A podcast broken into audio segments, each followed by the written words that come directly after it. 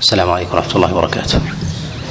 الحمد لله رب العالمين وصلى الله وسلم وبارك على نبينا محمد وعلى آله وأصحابه ومن تبعهم بإحسان إلى يوم الدين.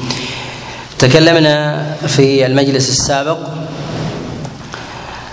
على قول الله عز وجل الحج أشهر معلومات فمن فرض فيهن الحج فلا رفث ولا فسوق ولا جدال ولا جدال في الحج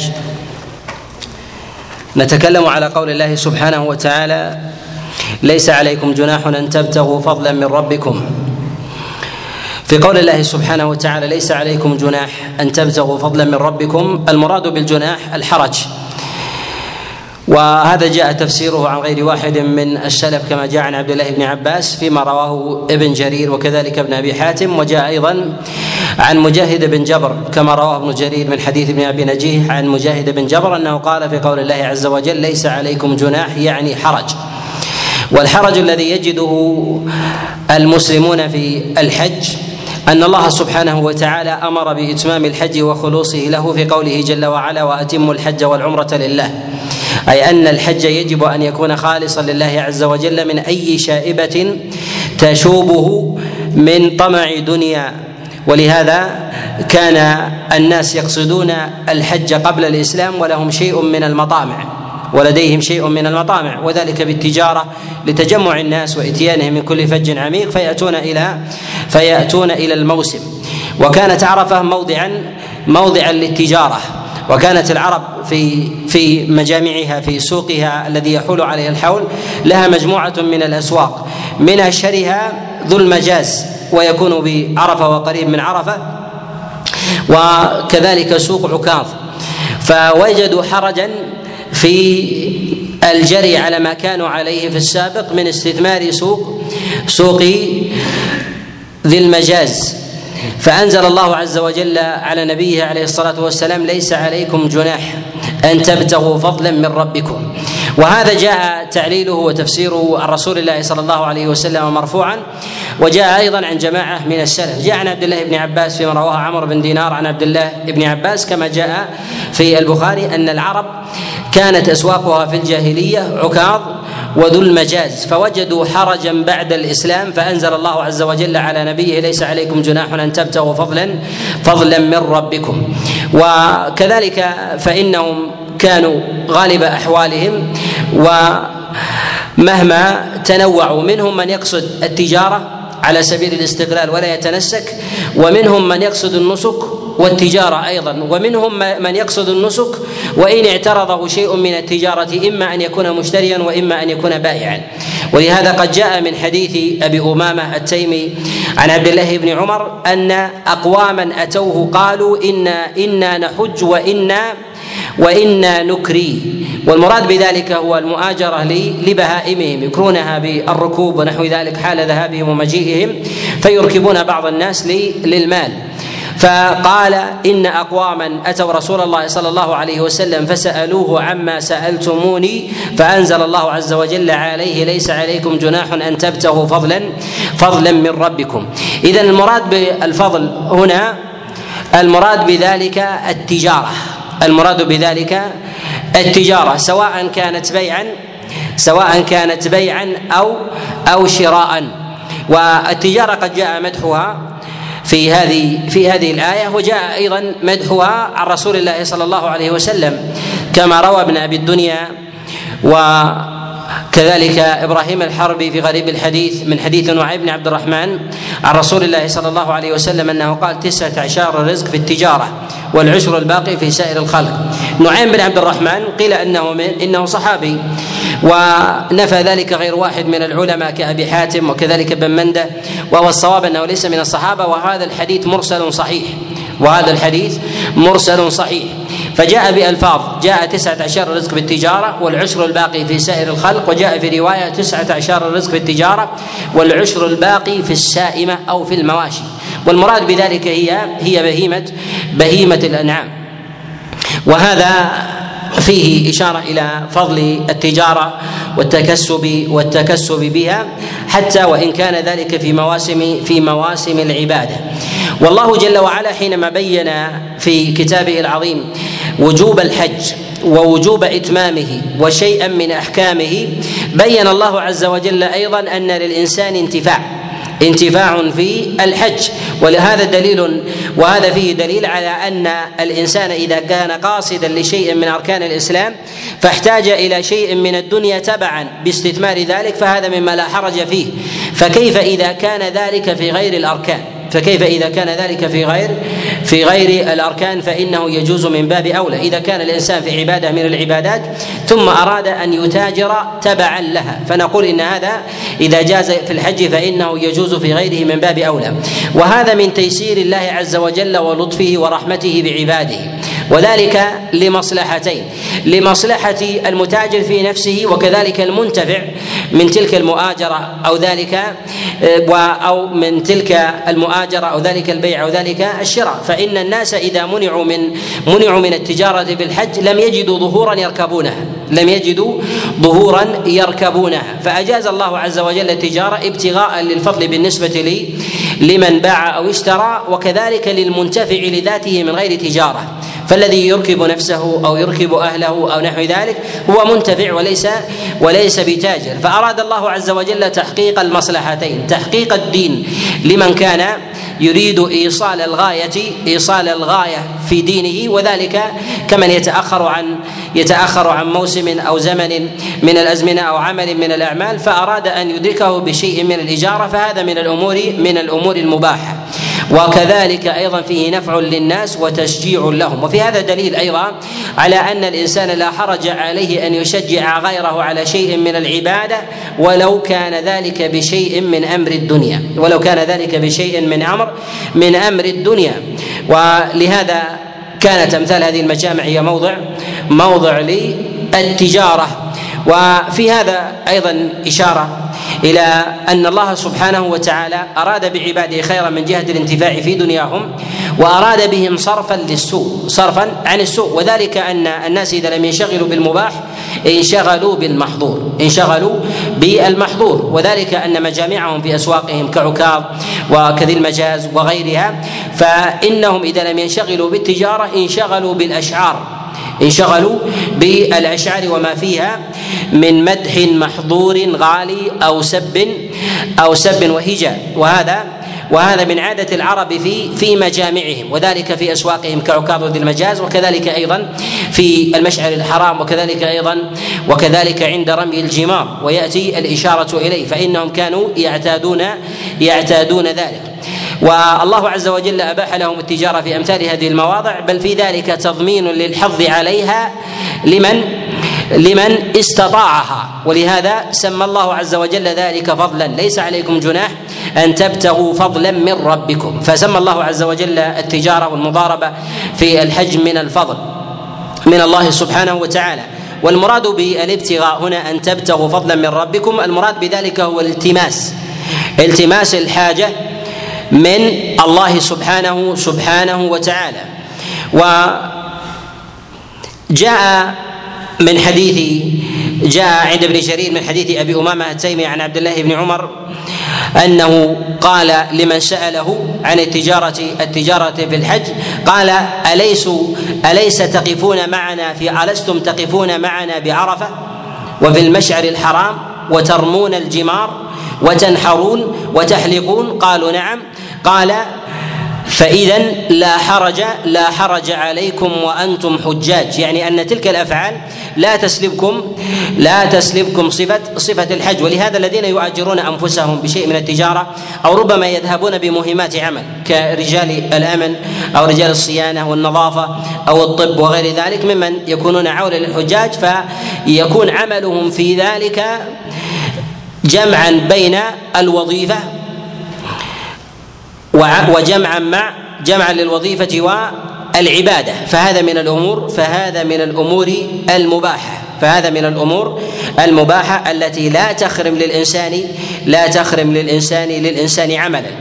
وقول الله جل وعلا هنا أن تبتغوا فضلا من ربكم. في هذا إشارة ومعنى أن الربح والخسارة في أمر التجارة إنما مرده إلى الله ولهذا قال فضلا من ربكم.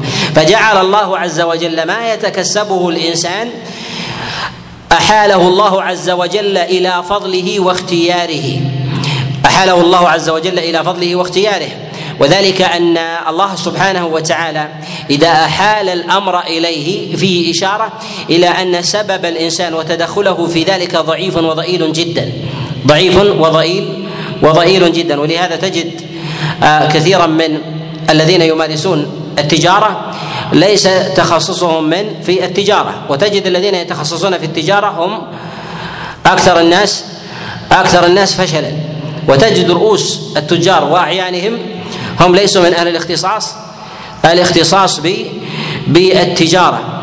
ولم أرى أحدا من الناس من كان مختصا بتجارة وكان فقيرا ثم اتجر وغني بل ان إنني أرى كثيرا من الناس الذين يختصون بأمر التجارة والدراية فيها أنهم يسلكون مسالك يظنون أنها من مواضع الترقي في أمر التجارة ثم ثم يهلكون. وأما الذي يختص بالتجارة فهو تاجر قبل أن يختص يختص بالتجارة ولهذا يكون من أهل من أهل الربح فيها. ولهذا الله عز وجل هنا جعل الفضل في مسألة التجارة إليه أن تبتغوا فضلا فضلا من من ربكم. قال الله عز وجل فإذا أفضتم من عرفات. يعني بعد بعد الوقوف فيها. الوقوف بعرفه يكون من بعد زوال الشمس وهو دخول وقت صلاة الظهر إلى غروب إلى غروب الشمس. وهذا هو الوقوف وهذا هو الوقوف المشروع. والواجب في ذلك أن يقف الإنسان اية ساعة من ليل أو نهار. أية ساعة من ليل من ليل أو نهار. والوقوف بعرفة يبتدئ من طلوع من طلوع الفجر وينتهي بطلوع فجر بطلوع فجر يوم يوم النحر. فإذا طلع فجر يوم النحر انتهى الوقوف الوقوف بعرفة. والأصل أن الليل أن الليل يتبعه اليوم الآتي. ولا نقول إن عرفة تبتدئ من تبتدئ من غروب الشمس من اليوم الثامن وإنما يقال إنها تبتدئ من طلوع من طلوع الفجر، الأصل في الأيام أن اليوم يبتدئ من غروب الشمس، يبتدئ إلى غروب الشمس التالي، فاليوم يتبعه الليلة الليلة الماضية، اليوم يتبعه الليلة الليلة الماضية، وإذا كان الإنسان في صباحه ضحى فإنه يقول لليلته البارحة يقول لها الليلة. يقول لها الليلة وإذا كان بعد الزوال يقول لها البارحة والليلة ما يستقبلها على خلاف ما يجري عليه الناس. فإذا أصبحوا وأرادوا أن يتكلموا على ما كان مما كان مما مضى من الليل يقول البارحة وهذا خطأ. الصواب في ذلك أن يقول الليلة إلى إلى زوال الشمس. فإذا أذن الظهر يسميها يسميها البارحة وتتحول كلمة الليلة إلى الليلة إلى الليلة المقبلة. ولهذا نقول إن بزوال الشمس يبتدئ. يبتدئ الوقوف بعرفة مما شرعه الله عز وجل إلى غروب إلى غروب الشمس ومن وقف قبل ذلك من بعد طلوع الفجر فإن وقوفه صحيح إلا أنه خالف خالف السنة في ذلك والتمام والكمال في ذلك أن يدخل عرفة بعد بعد الزوال وأن يبقى قبلها حتى حتى يدخل الوقت فإذا دخل الوقت فإنه يدخلها. وكثير من الناس يبقى بعرفة قبل قبل زوال الشمس. وذلك لكثرة الناس وصعوبة إيجاد السبل للوصول إلى المواضع التي يريدون. فهذا من الأمور التي يرفع الله عز وجل بها الحرج. إذا علم الله عز وجل من الإنسان حرصه على الوقوف بالوقت الذي شرعه الله لنبيه عليه الصلاة والسلام. وإذا دفع الإنسان قبل غروب الشمس فجمهور العلماء على صحه صحة وقوفه. وحكي الاتفاق على ذلك. وروي عن الإمام مالك رحمه الله إلى عدم جواز ذلك. وأوجب على من نفر قبل غروب الشمس الدم.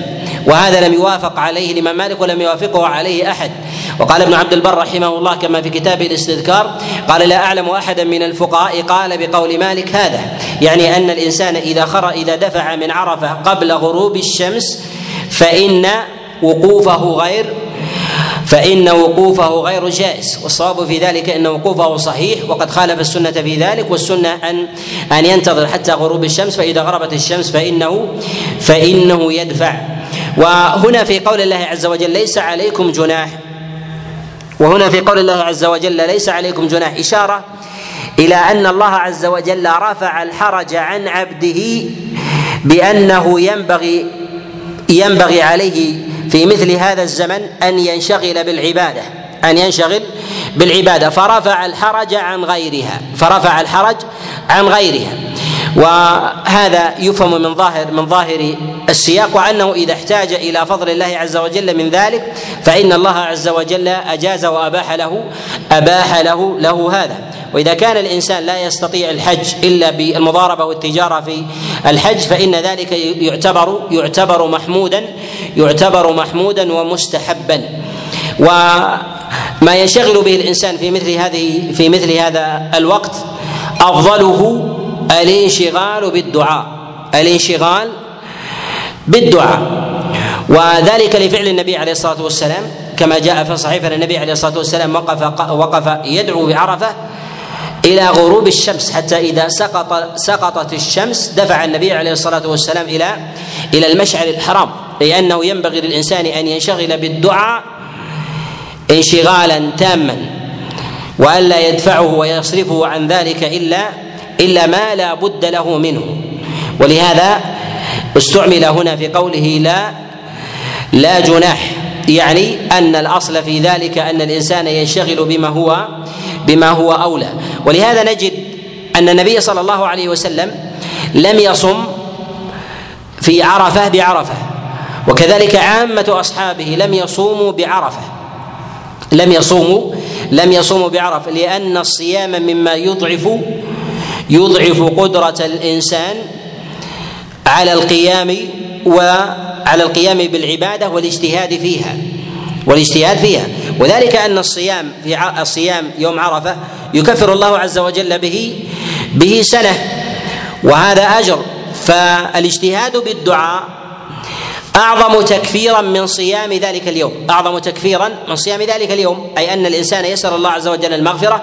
والله عز وجل يطلع على أهل الموقف ويغفر لهم. فإذا تعرض الإنسان لله عز وجل تحقق له من الغفران أكثر من مما يصومه الإنسان إذا كان في غير في غير عرفة. ولهذا لم يحفظ عن النبي عليه الصلاة والسلام أنه صام صام في وقوفه بعرفة. ولا كذلك أيضا اصحابه عليهم رضوان الله تعالى إلا النزر اليسير كما جاء عن عائشة عليه رضوان الله كما جاء كما جاء في الصحيح.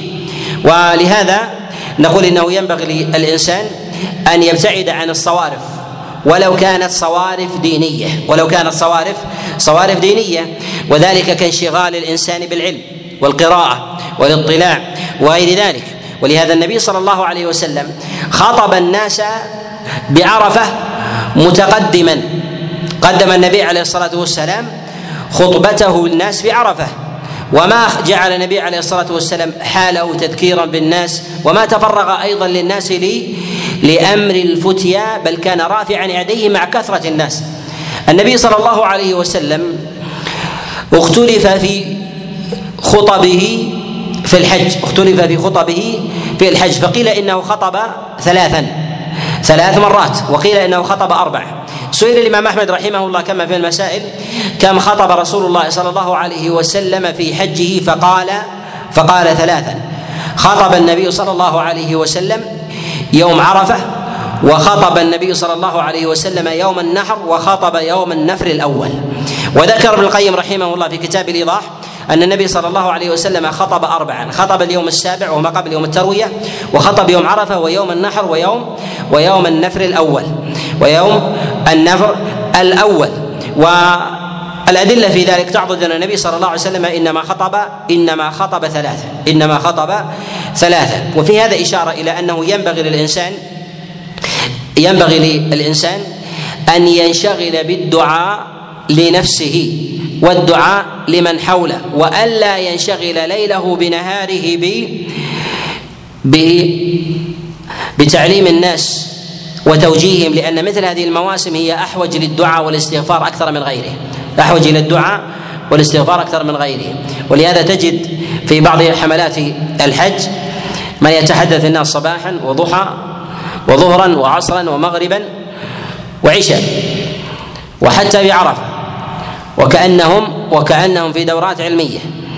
هذا ينبغي ينبغي للإنسان أن ينشغل بالدعاء. قد يقول قائل إن الناس إذا لم أشغلهم أشغلهم بالعلم انشغلوا باللهو.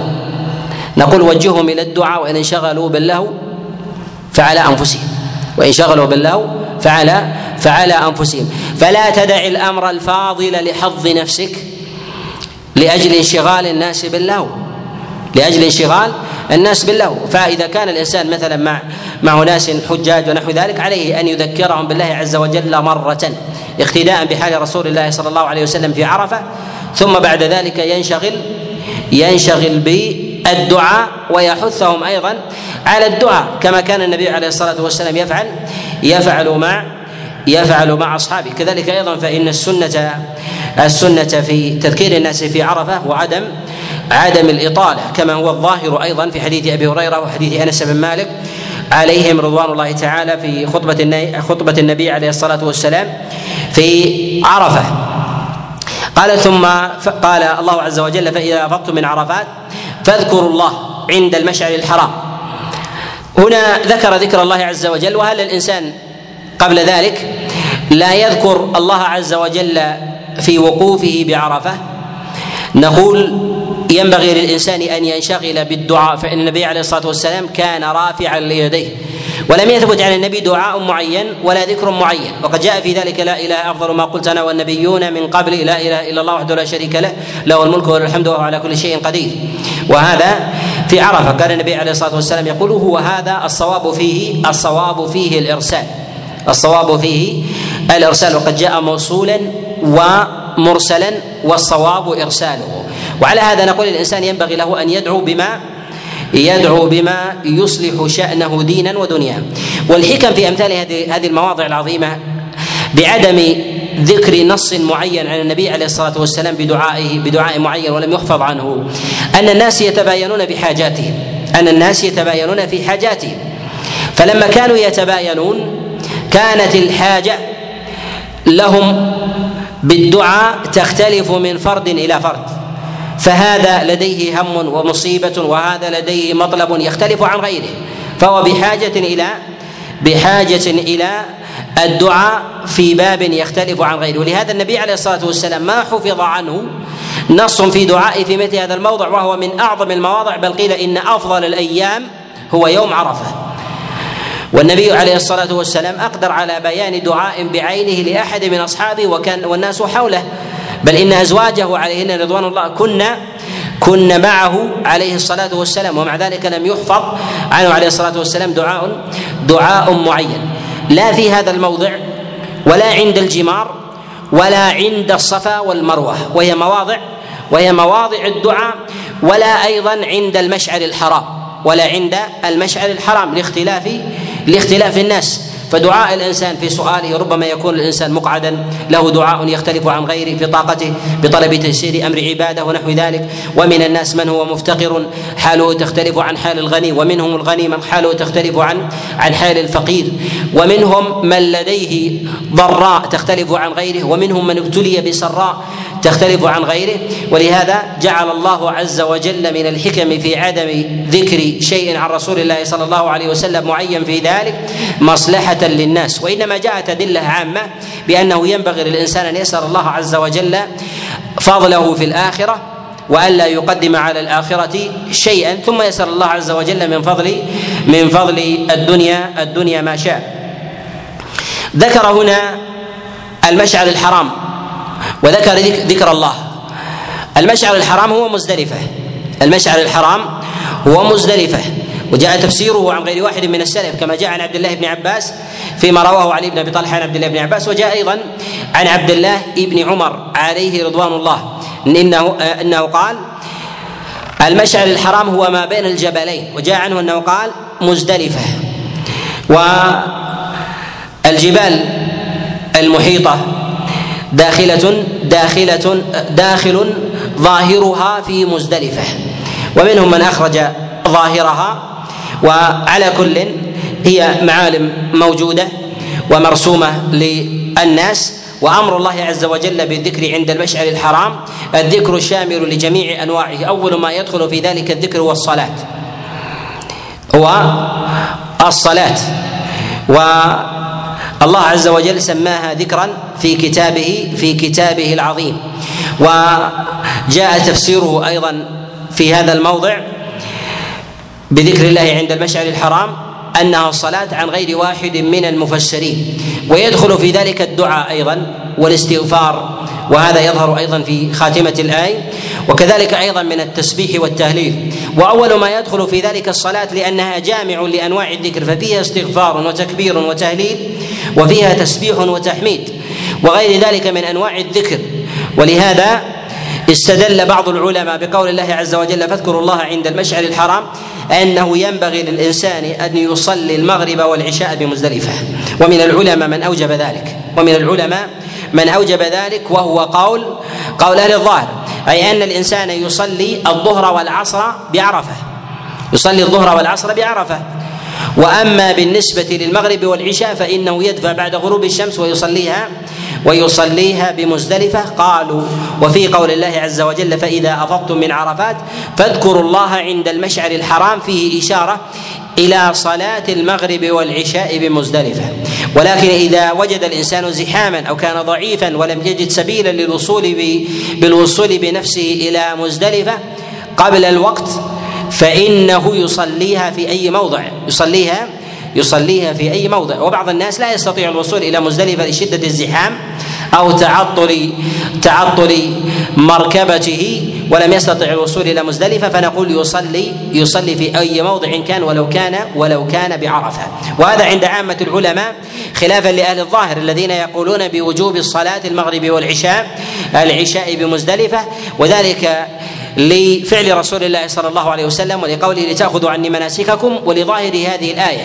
فاذكروا الله عند المشعر الحرام. قالوا واول الذكر هنا هو الصلاة. فإذا أديناها في غير هذا الموضع لم نكن ممتثلين لم نكن ممتثلين. وفي ذلك وفي ذلك نظر. لأن الصلاة لم ترتبط بزمان معين من جهة من جهة وجوبها وإنما جاءت عامة جاءت عامة فيصليها الإنسان في المسجد هذا أو في مسجد ذاك يصليها يصليها جماعة ولا يجب على الإنسان مسجد بعينه. ولهذا نقول إن أداء الصلاة عبادة منفكة عن مسألة النسك. ولهذا النبي عليه الصلاة والسلام جمع وقصر في مواضع وصلى النبي عليه الصلاة والسلام قصرا من غير جمع في مواضع. وهذا الجمع هل هو من الأنساك أم لا؟ جمهور العلماء على أن الجمع على أن الجمع والقصر في النسك ليس من النسك وهذا الذي ذهب إليه جمهور العلماء. وذهب أبو حنيفة وجماعة من الفقهاء من أهل الرأي إلى أن فعل النبي عليه الصلاة والسلام بجمعه وقصره أن ذلك من النسك. أن ذلك من النسك والصواب والصواب أنه ليس ليس من النسك وإنما كان حكم حكم المسافر ولهذا المكي إذا كان حاجا وكان بمنى ولا يترخص بمثل هذه الحال ينبغي له أن يتم ألا وألا يقصر. وأما بالنسبة لمزدلفة فإن الصدر الأول كانوا إذا ذهبوا وخرجوا إلى خرج بالنسبة لعرفة إذا كانوا في عرفة إذا كانوا في عرفة وخرجوا إليها فإنهم كانوا كانوا يقصرون. كانوا يقصرون باعتبار أنها خارج خارج البنيان. والوقوف بعرفة واجب باتفاق الأئمة الأربعة وذهب بعض العلماء إلى إلى ركنيته. والقول بالركنية ذهب إليه بعض العلماء وهو قول الإمام أحمد في رواية وذهب إليه ابن خزيمة رحمه رحمه الله إلى أن إلى أن الوقوف بمزدلفة إلى أن الوقوف بمزدلفة ركن من أركان الحج. والصواب أنه واجب والصواب أنه واجب. ومن تركه فعليه فعليه دم. والأدلة في ذلك منها حديث عبد الرحمن بن يعمر ومنها ما جاء موقوفا على عبد الله بن عمر عليه ما جاء موقوفا على عمر بن الخطاب عليه رضوان الله لما كان واقفا بمزدلفة فجاءه رجل فسأله عمر فقال أوقفت بعرفة؟ قال لا. قال اذهب إلى عرفة وقف هنيهة. فصلى عمر بن الخطاب صلاة الفجر ثم ركب راحلته فقال أجاء الرجل؟ فقالوا لا. قال فانتظر حتى جاء الرجل ثم دفع. مما يدل على أن ثمة تفريق بين الوقوف بعرفة وبين المبيت بمزدلفة وبين المبيت بمزدلفة. وذلك أن الوقوف بعرفة ركن باتفاق العلماء ولا خلاف في ذلك. وذلك لقول النبي عليه الصلاة والسلام الحج عرفة. الحج عرفة كما جاء في حديث عبد الرحمن عبد الرحمن بن يعمر الحج عرفة يقول وكيع بن الجراح هذا الحديث أصل المناسك وأم المناسك. أم المناسك يعني هو الجامع الجامع لها وزبدتها وأعظم أركان أركان الحج هو الوقوف الوقوف بعرفة وهو أفضل أعمالها. ولم يأتي فضل في السنة في عمل من أعمال الحج كما جاء كما جاء في الوقوف بعرفة. كما جاء في الوقوف الوقوف بعرفة. واختلف العلماء في الوقوف في عرفة. لماذا سميت بهذا الاسم؟ منهم من قال إن الله عز وجل وصف معالمها لإبراهيم الخليل ثم لما رآها عرفها فسميت فسميت بذلك. ومنهم من قال إنها سميت على علم من أعلام الجاهلية وبقي هذا الاسم على ذلك ولم يستطع أن يحال إلى أصل ذلك الاسم. هل هو من الأعلام المعروفة و أو من غير من غير المعروف؟ والذي يظهر والله أعلم. أن النصوص في ذلك ممن يكل هذا الأمر إلى علم من الأعلام أو يكله أيضا إلى أن الله عز وجل وصفها لإبراهيم ثم جاء فعرفها فسميت عرفه أنه لا يثبت من ذلك شيء لا يثبت من ذلك شيء إلا أن الله عز وجل سماها في كتابه وسماها رسول الله صلى الله عليه وسلم في في سنته واسمها قطعي وهو من الوحي. ولهذا لا يجوز أن تسمى بغير هذا بغير هذا الاسم لأن هذا اسم من الأسماء الشرعية من الأسماء الشرعية التي لا يجوز أن لا يجوز أن تغير. وأما أن يأتي الإنسان بشيء من المعاني من غير أن يجعل تلك المعاني علما عليها فهذا من باب التقريب لا بأس لا بأس به. وذلك كأن يسمي الإنسان الكعبة بغير اسمها أو يسمي الطواف بغير اسمه أو يسمي السعي يسمي الصفا والمروة بغير اسمها معالم فهذا طمس لمعالم الحج ولشعائر الله. طمس لمعالم الحج وطمس لشعائر لشعائر الله. واختلف العلماء في حد في حد عرفة وكذلك أيضا في حد مزدلفة وهي وهي تحال إلى وتوكل إلى معالمها التي عليها عمل الناس عليها عمل الناس اليوم. واختلفوا في عرنة هل هي من عرفة أم لا. ذهب جمهور العلماء إلى أنها ليست من ليست من عرفة واستدلوا بما جاء عن رسول الله صلى الله عليه وسلم أنه قال ارفعوا عن بطن عرنة. واستدل الإمام مالك رحمه الله بهذا الحديث أيضا على أنها من عرفة على أنها من عرفة. قال وذلك أن النبي أمر بالانتقال من المفضول إلى الفاضل فقال ارفعوا. قال ارفعوا عن بطن عرنة يعني حتى يدع الإنسان ما يشتبه عليه. ولو كان ذلك ولو كان كذلك لا النبي عليه الصلاة والسلام شدد في ذلك وبين فساد الحج أو حضر أو أمر الناس بأن يسوقوا من كان واقفا من كان واقفا فيها. قالوا وظاهر الأمر من رسول الله صلى الله عليه وسلم عدم التشديد فدل على أن الموقف فيه فاضل فيه فاضل ومفضول. وصلاة المغرب والعشاء وصلاة المغرب والعشاء تكون بمزدلفة جمعا ويصلي في ذلك الوتر وقيام الليل. ولم يثبت عن النبي عليه الصلاة والسلام أنه صلى الليل ولا صلى الوتر وعدم ثبوت ذلك لا يدل على العدم.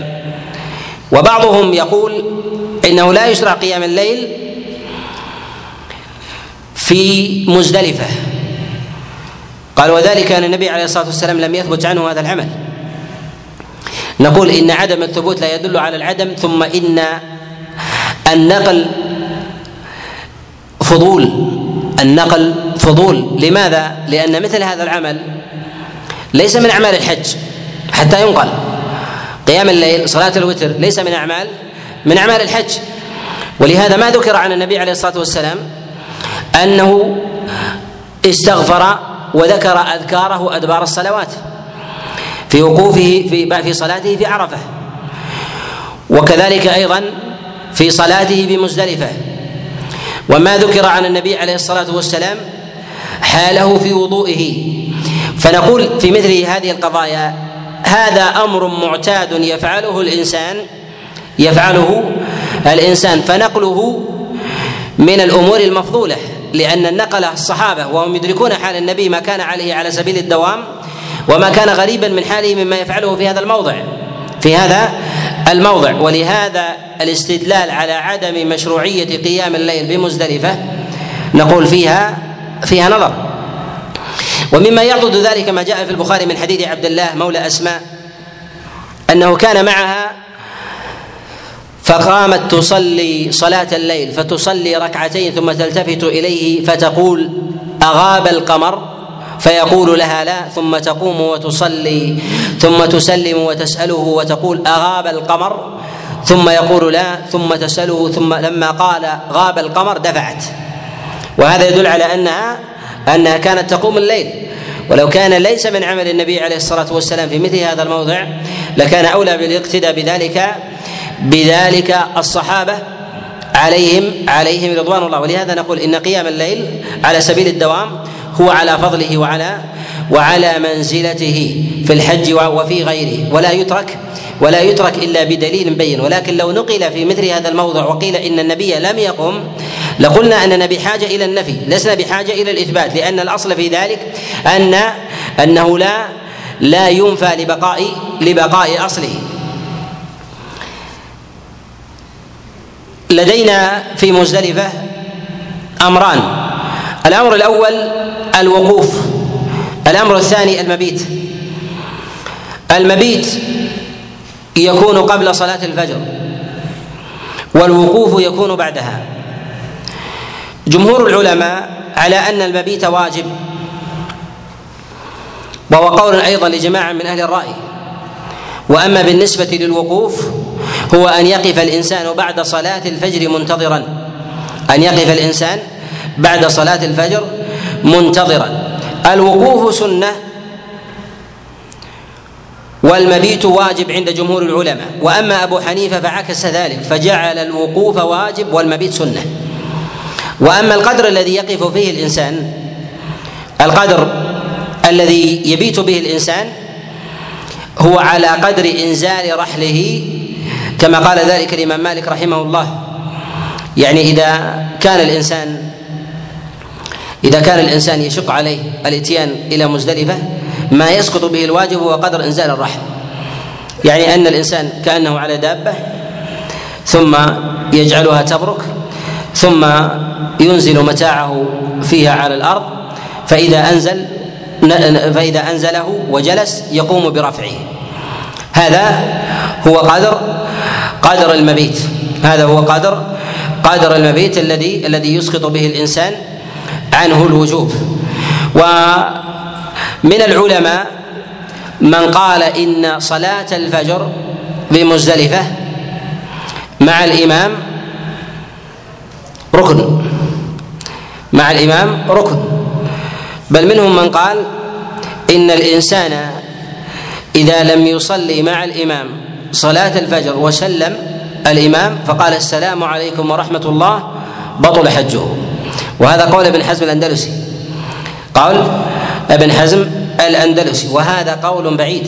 وهذا قول قول بعيد وغريب. ولم يقل به أحد أحد من السلف. ولم يعضده أيضا أحد من الخلف. ولهذا نقول إن الإتيان بالصلاة سواء صلاها الإنسان مع جماعة أو صلاها الإنسان منفردا صلاها مع إمام المسلمين أو مع غير إمام المسلمين الصلاة في نفسها أمر منفك منفك عن ذات المبيت بمزدلفة عن ذات المبيت بمزدلفة. أما تفريط الإنسان بالأتيان بالجماعة ونحو ذلك فهذا أمر فهذا أمر ومسألة ومسألة أخرى. ولكن ينبغي للإنسان أن يؤدي صلاته في مثل هذا الموضع. أما أن نوجب عليه أن يكون مع الجماعة ومع أمير المسلمين فهذا فهذا مما لا مما لم يقل به أحد وهو من الأقوال التي لا يعول لا يعول عليها. قال هنا واذكروه كما كما هداكم وإن كنتم من قبله لمن الضالين. هنا ذكر هداية الله عز وجل أنه ينبغي للإنسان أن يذكر الله عز وجل كما هداه ودله. وفي هذا دليل على أن الضلالة يقابلها الهدى. ولهذا حث الله عز وجل عباده على أن يذكروه بسبب هدايته لهم إلى الخير. وهذا يدل على أن معرفة المناسك من مواضع الهداية للإنسان وأن من تفقه فيها وتبصر فيها فقد تبصر بخير بخير أنواع الهداية المقصودة في هذا الموضع. وكذلك أيضا فإن من ضل عنها وتاه فقد حرمه الله عز وجل شيئا من مواضع الهداية ومن وفقه الله عز وجل للعبادة وعمل بها كان مهديا ومن قصر في ذلك كان ضالا تائها.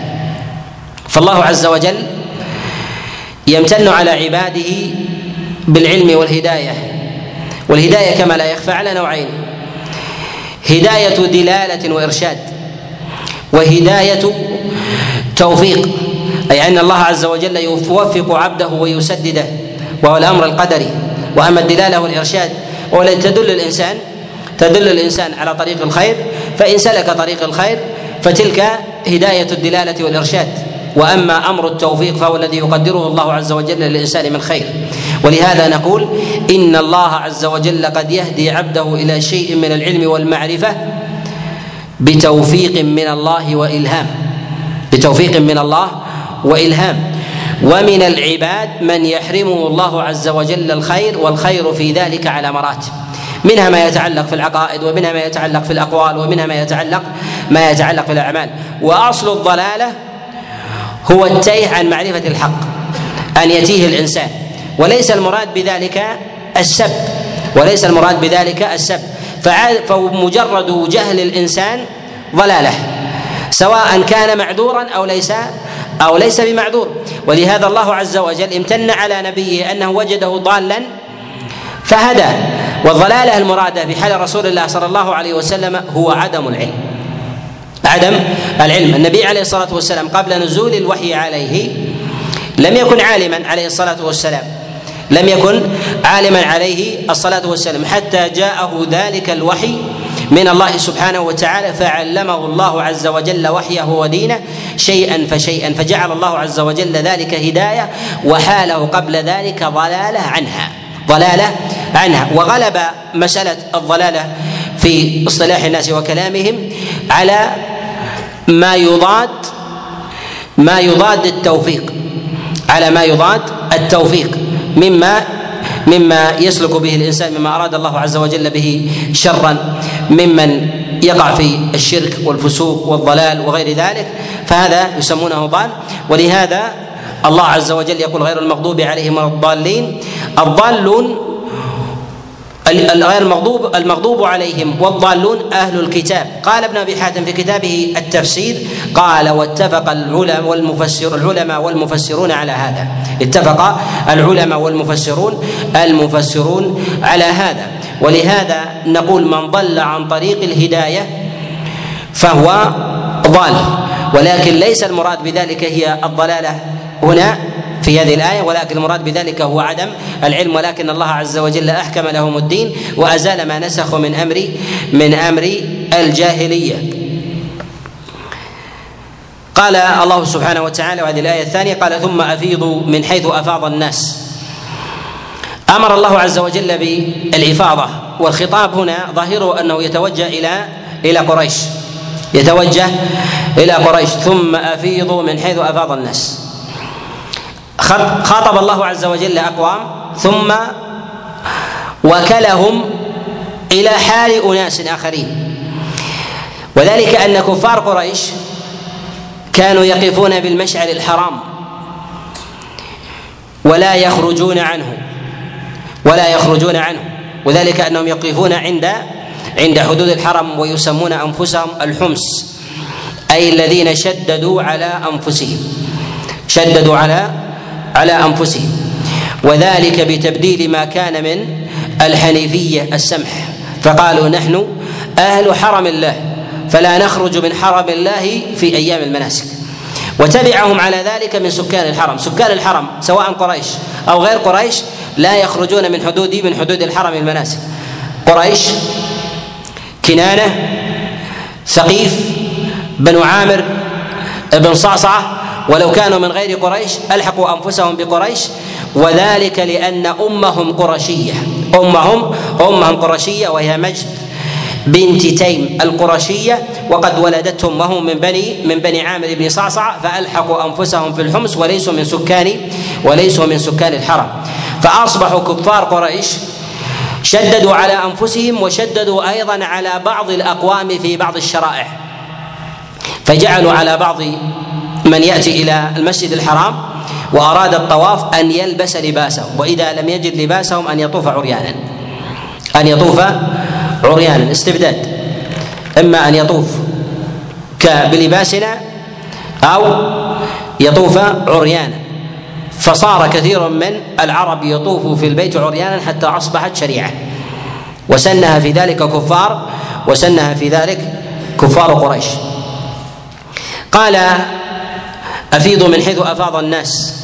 الإفاضة في لغة العرب هو الرجوع إلى ما كان عليه الإنسان أو إرجاع الشيء على ما كان عليه. الإنسان يفيض الماء على شيء ثم يرجعه إلى إليه مرة أخرى. هذه إفاضة. هذه إفاضة. وكأن الإنسان ذهب ورجع من طريقه. ذهب من مشعر الحرام إلى إلى عرفة ثم رجع من عرفة من طريقه. وفي هذا إشارة إلى أن طريق الإنسان ينبغي أن يكون على هذا النحو. على هذا النحو. فأصل الإفاضة هو أن يرجع الإنسان الشيء إلى ما كان أن يرجع الإنسان الشيء إلى ما كان إلى ما كان عليه. ولهذا قال ثم أفيضوا من حيث أفاض الناس. يعني ينبغي عليكم يا كفار قريش يا يا يا قريش ممن كان على شيء من الجاهلية أن يفيض كما أفاض العرب من بقية الناس ثم أفيضوا من حيث أفاض الناس. اذهبوا إلى عرفة وارجعوا من عرفة إلى المشعر الحرام وارجعوا من المشعر الحرام إلى إلى منى كحال كحال الناس. في هذه الآية إشارة إلى أن قريش قلة قليلة في عدد الناس. في الحجاج مع النبي عليه الصلاة والسلام في حجة الوداع لأن هذه الحجة إن هذه الآيات إنما كانت في حجته في حجة الوداع. والنبي عليه الصلاة والسلام سمى الحجاج الناس والخطاب كأنه توجه إلى قلة كحال الإنسان يأتيك ويسألك عن حكم فتقول افعل كما يفعل الناس.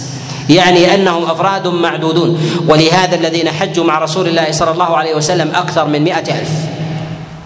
قال أبو زرعة هم مئة وأربعة عشر ألفا. مئة وأربع وأربعة عشر ألفا. وهذا عدد كثير وإذا أراد الإنسان أن يحصي قريشا وبطونها في ذلك الوقت يجد أنها لا تصل لا تصل إلا إلى شيء يسير من ذلك وربما دون وربما كان ذلك دون دون العشر ممن حج مع رسول الله صلى الله عليه وسلم. ولهذا وجه الخطاب إليهم في خطاب القلة وجعل الناس هم الذين ينبغي للإنسان أن أن يسلكهم. في هذه الآية إشارة إلى أن الإنسان إذا جعل الشيء حكرا عليه ظل وبغى. ولهذا كفار قريش لما استأثروا بالمسجد الحرام ولدوا شيئا من البدع فتهيب غيرهم من من أن يصحح ما كان عندهم. فأدخلوا شيئا ولم يجدوا ما ينكر ثم أدخلوا شيئا حتى بدلوا حتى بدلوا دين الله عز وجل. ووجه إليهم الله عز وجل الخطاب على أنهم قلة أفيضوا من حيث افاض الناس.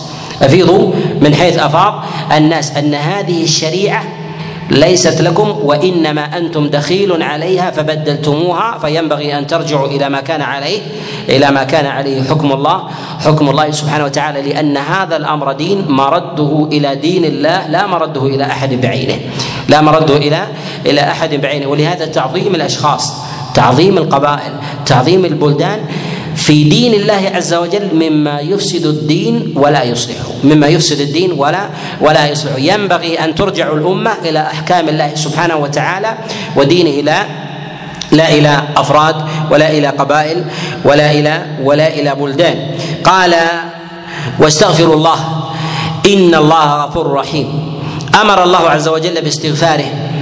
وذلك في خاتمة إتيان الإنسان بأنساكه أو المهمات من أنساكه وفي هذا إشارة إلى أنه ينبغي للإنسان في خاتمة أعماله أن يكثر من الاستغفار. ولهذا حث الله عز وجل على الاستغفار في كثير من مواضع العبادة. منها ما جاء في الصلاة. إذا انتهى الإنسان من صلاته أن يقول أستغفر الله أستغفر الله أستغفر الله. كذلك أيضا في هذا الموضع قال ثم أفيضوا من حيث أفاض الناس واستغفروا الله إن الله غفور رحيم. أي ينبغي عليكم أن تكثروا من الاستغفار اظهارا لضعف الإنسان وأنه حينما يأتي بهذه العبادة ينبغي ألا يظن أن له منة وأنه ما زال يطلب التوبة وأنه ما زال يطلب التوبة. وذلك لعظم نعم الله على عبده التي لا لا يحصيها الإنسان عدا فضلا عن أن يتمكن بشكر المنعم عليها. وإن تعدوا نعمة الله لا تحصوها. فهو لا يحصيها عدا فكيف يحصيها شكرا؟ لأن الإنسان لا يشكر ولا يجازي إلا ما علمه فإذا كان لا يعلمها عدا فلن يجازيها.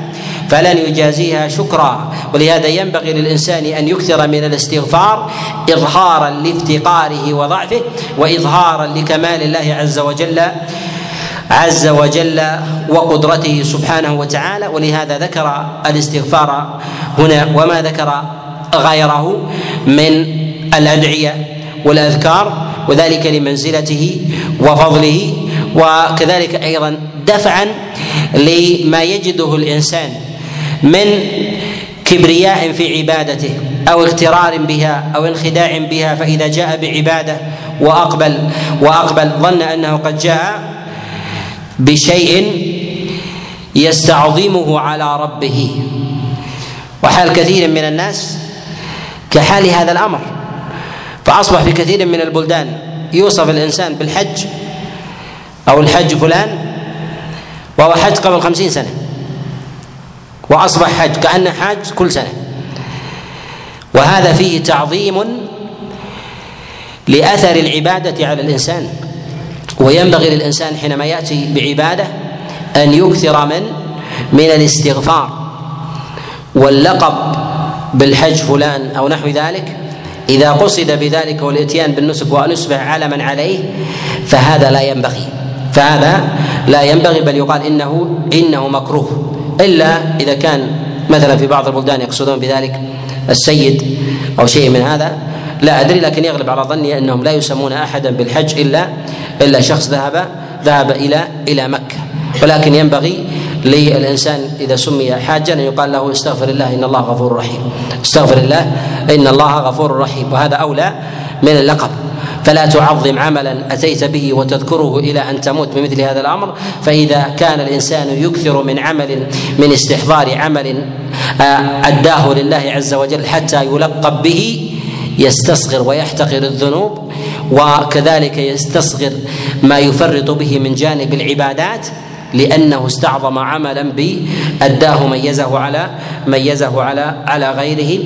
نكتفي بهذا القدر. أسأل الله عز وجل لي ولكم التوفيق والسداد وصلى الله وسلم وبارك على نبينا محمد.